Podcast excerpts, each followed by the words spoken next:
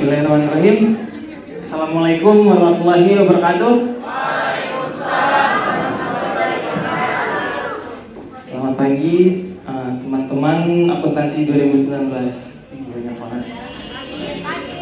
Eh, Sia seputar informasi akuntansi. Eh, acara baru anak-anak humas ya? seneng seneng banget sekarang uh, teman-teman HMJ udah makin kreatif makin bisa men- mendengarkan uh, aspirasi dari teman-teman untuk pengisian KRS yang baru. Uh, sebelumnya perkenalkan nama saya Ahmad Madabigi. Saya adalah mahasiswa akuntansi 2016 yang insya Allah di minggu ini saya akan melaporkan seperti saya sebagai mahasiswa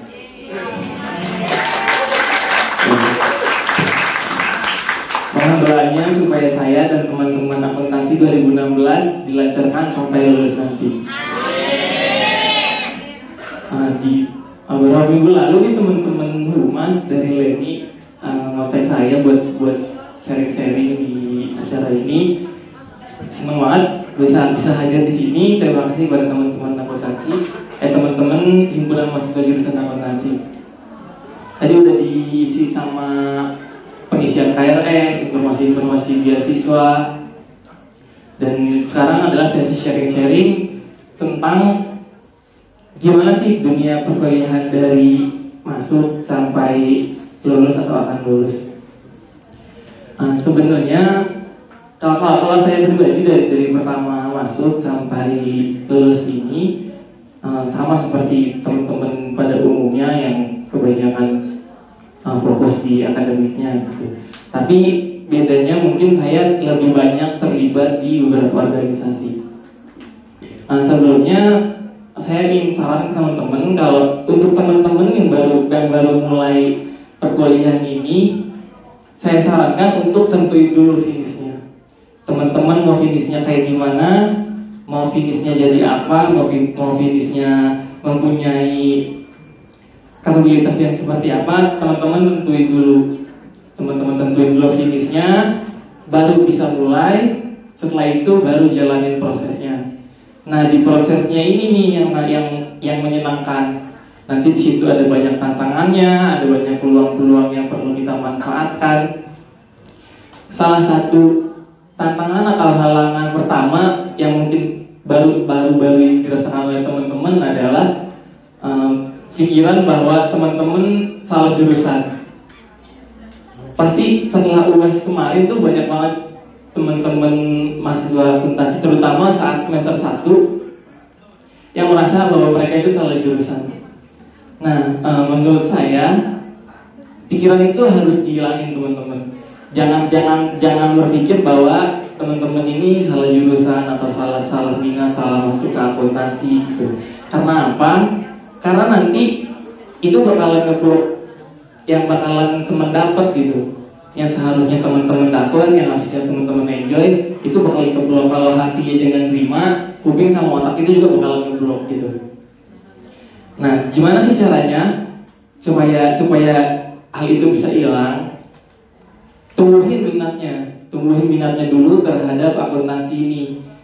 Gimana cara cara numbuhin minatnya di, di bawah enjoy aja setiap setiap prosesnya, setiap pelajaran pelajaran akuntansi, setiap kegiatan kegiatan di luar kuliah, di bawah enjoy aja, di, dinikmatin aja gitu setiap prosesnya, jangan dibawa jangan dibawa sebagai beban. Setelah itu di, di, ditumbuhin um, minatnya, eh, rasa ingin tahu yang tinggi. Dengan dengan rasa ingin tahu yang tinggi, um, minatnya nanti akan muncul sendiri gitu. Rasa penasaran, rasa ingin tahu itu akan mendorong teman-teman untuk untuk mencapai minat yang yang yang seharusnya teman-teman punya gitu. Nah, yang yang selanjutnya yang menjadi banyak perbincangan uh, di dunia perkuliahan adalah perdebatan antara teman-teman atau mahasiswa yang aktif di organisasi atau yang kuliah pulang, kuliah pulang atau yang biasa disebut kupu-kupu. Dua hal itu adalah sebuah pilihan yang keduanya ada baiknya, tapi tergantung dari bagaimana implikasinya. kalau misalkan teman-teman uh, kuliah pulang terus menggunakan waktunya untuk hal-hal yang produktif itu adalah hal yang adalah hal yang baik pilihan yang baik tapi kalau misalkan teman-teman kuliah pulang tiduran nonton YouTube-nya Atta Halilintar itu jangan jangan jangan jangan dijadikan habit kalau yang seperti itu. Lebih baik masuk ke organisasi aktif di organisasi seperti teman-teman ini. Nah banyak uh, alasan-alasan si uh, kupu-kupu ini biasanya adalah ah ngapain ikut organisasi? Gitu kan. Maksud gue mau mau mau fokus kuliah aja lah biar lulus cepet itu itu nggak salah teman-teman. Itu bukan pemikiran yang salah tapi tidak sepenuhnya benar. Karena dia tidak ikut organisasi pun atau dia cuma kuliah pulang kuliah pulang dia nggak punya jaminan kalau dia ini bakalan lulus cepet gitu. Uh, dan perlu digarisbawahi bahwa teman-teman di organisasi pun bisa lulus dengan cepat gitu. Contohnya mungkin mungkin mungkin contohnya adalah saya dan teman-teman HMJA di periode lalu yang yang hampir semuanya lulus di tiga setengah tahun gitu. Nah sebenarnya uh, proses kuliah itu bukan tentang bukan tentang dari semester 1 sampai semester 4 harus eh, sampai semester 8 harus lulus gitu. Enggak enggak enggak cuma kayak gitu gitu. Harus nggak cuma fokus pada akademiknya aja gitu karena di perkuliahan itu ada yang banyak harus teman-teman isi gitu karena perkuliahan itu bukan bukan sekedar uh, akademik gitu bukan sekedar akademik yang lebih tinggi daripada sekolah lulus dan gelar sarjana. Nggak nggak kayak gitu. Di, di waktu perkuliahan ini harus teman-teman gunakan untuk untuk menang, me, melakukan kegiatan-kegiatan yang bisa menambah nilai bagi teman-teman. Menambah nilai jual bagi teman-teman, menambah nilai dari uh, saat teman-teman lulus nanti gitu. Uh, memang memang tidak salah uh, lulus cepat atau matang dengan cepat. Tapi apakah matang dengan cepat? Apakah dengan cepat itu sudah matang? Atau mungkin memang sudah matang, tapi apakah isinya benar gitu? Kayak kayak misalkan uh, sebuah roti Roti itu misalkan misalkan seharusnya di diangkat atau diproduksi selama satu jam. Tapi si roti ini selesai dalam 45 menit. Mungkin memang memang matang gitu atau mungkin tidak matang atau mungkin mungkin matang tapi isinya ini ada yang kurang gitu pasti ada yang kurang. Kalau misalkan fokusnya cuma di waktunya aja.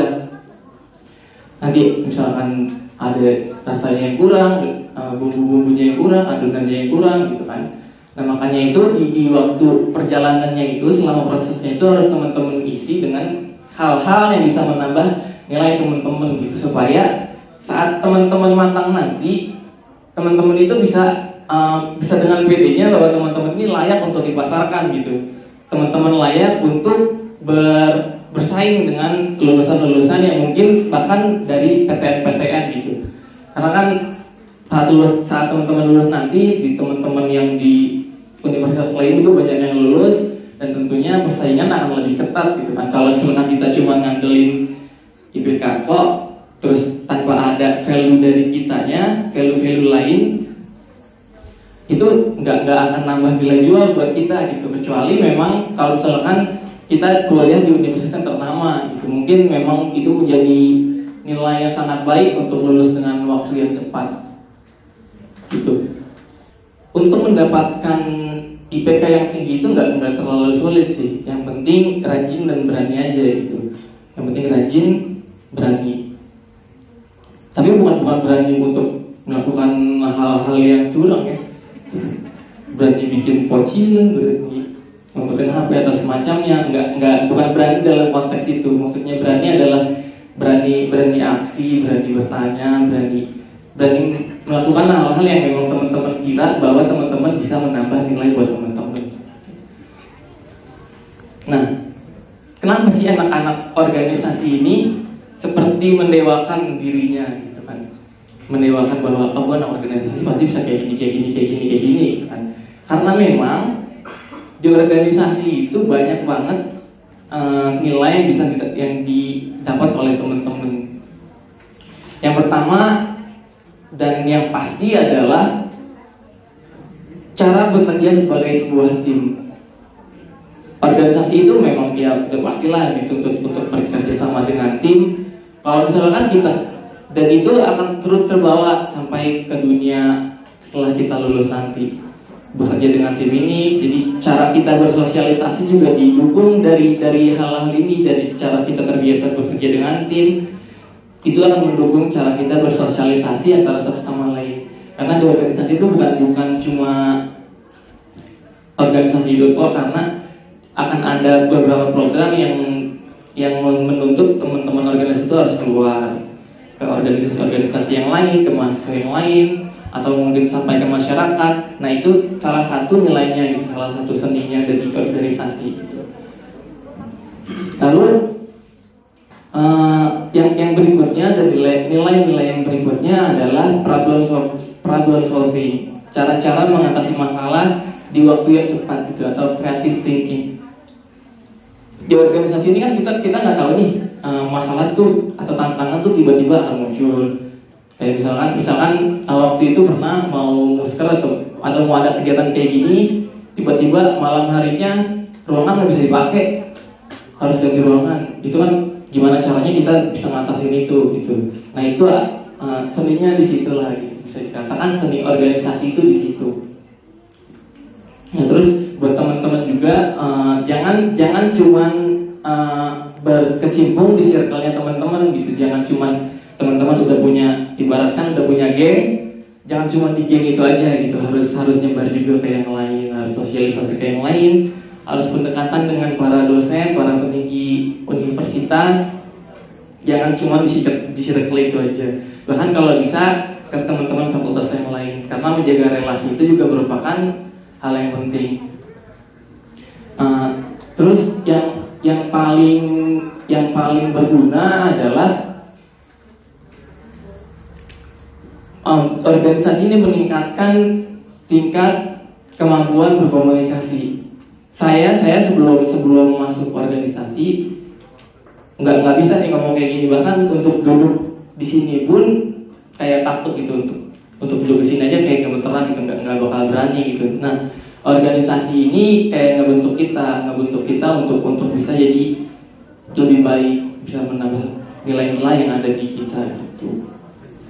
Tapi tentunya hal itu bakalan bisa kita dapat atau bisa teman-teman dapat kalau misalkan teman-teman benar-benar ngejalaninnya gitu, nggak cuman aku pengen masuk organisasi supaya nanti di CV gue ada tulisan badan eksekutif, ada tulisan himpunan gitu, nggak bisa kayak gitu, nggak bisa cuma sekedar masuk organisasi supaya ada ada embel-embel di CV-nya gitu nggak bisa kayak gitu. Karena banyak yang harus dilakuin di organisasi. Harus harus ada actionnya juga nggak bisa cuma numpang nama doang. Karena banyak beberapa kasus yang sekedar numpang nama doang. Dan dan itu kebanyakan juga di ya istilahnya dipecat lah gitu dari organisasi tersebut. Karena tidak memberikan kontribusi yang baik. Gitu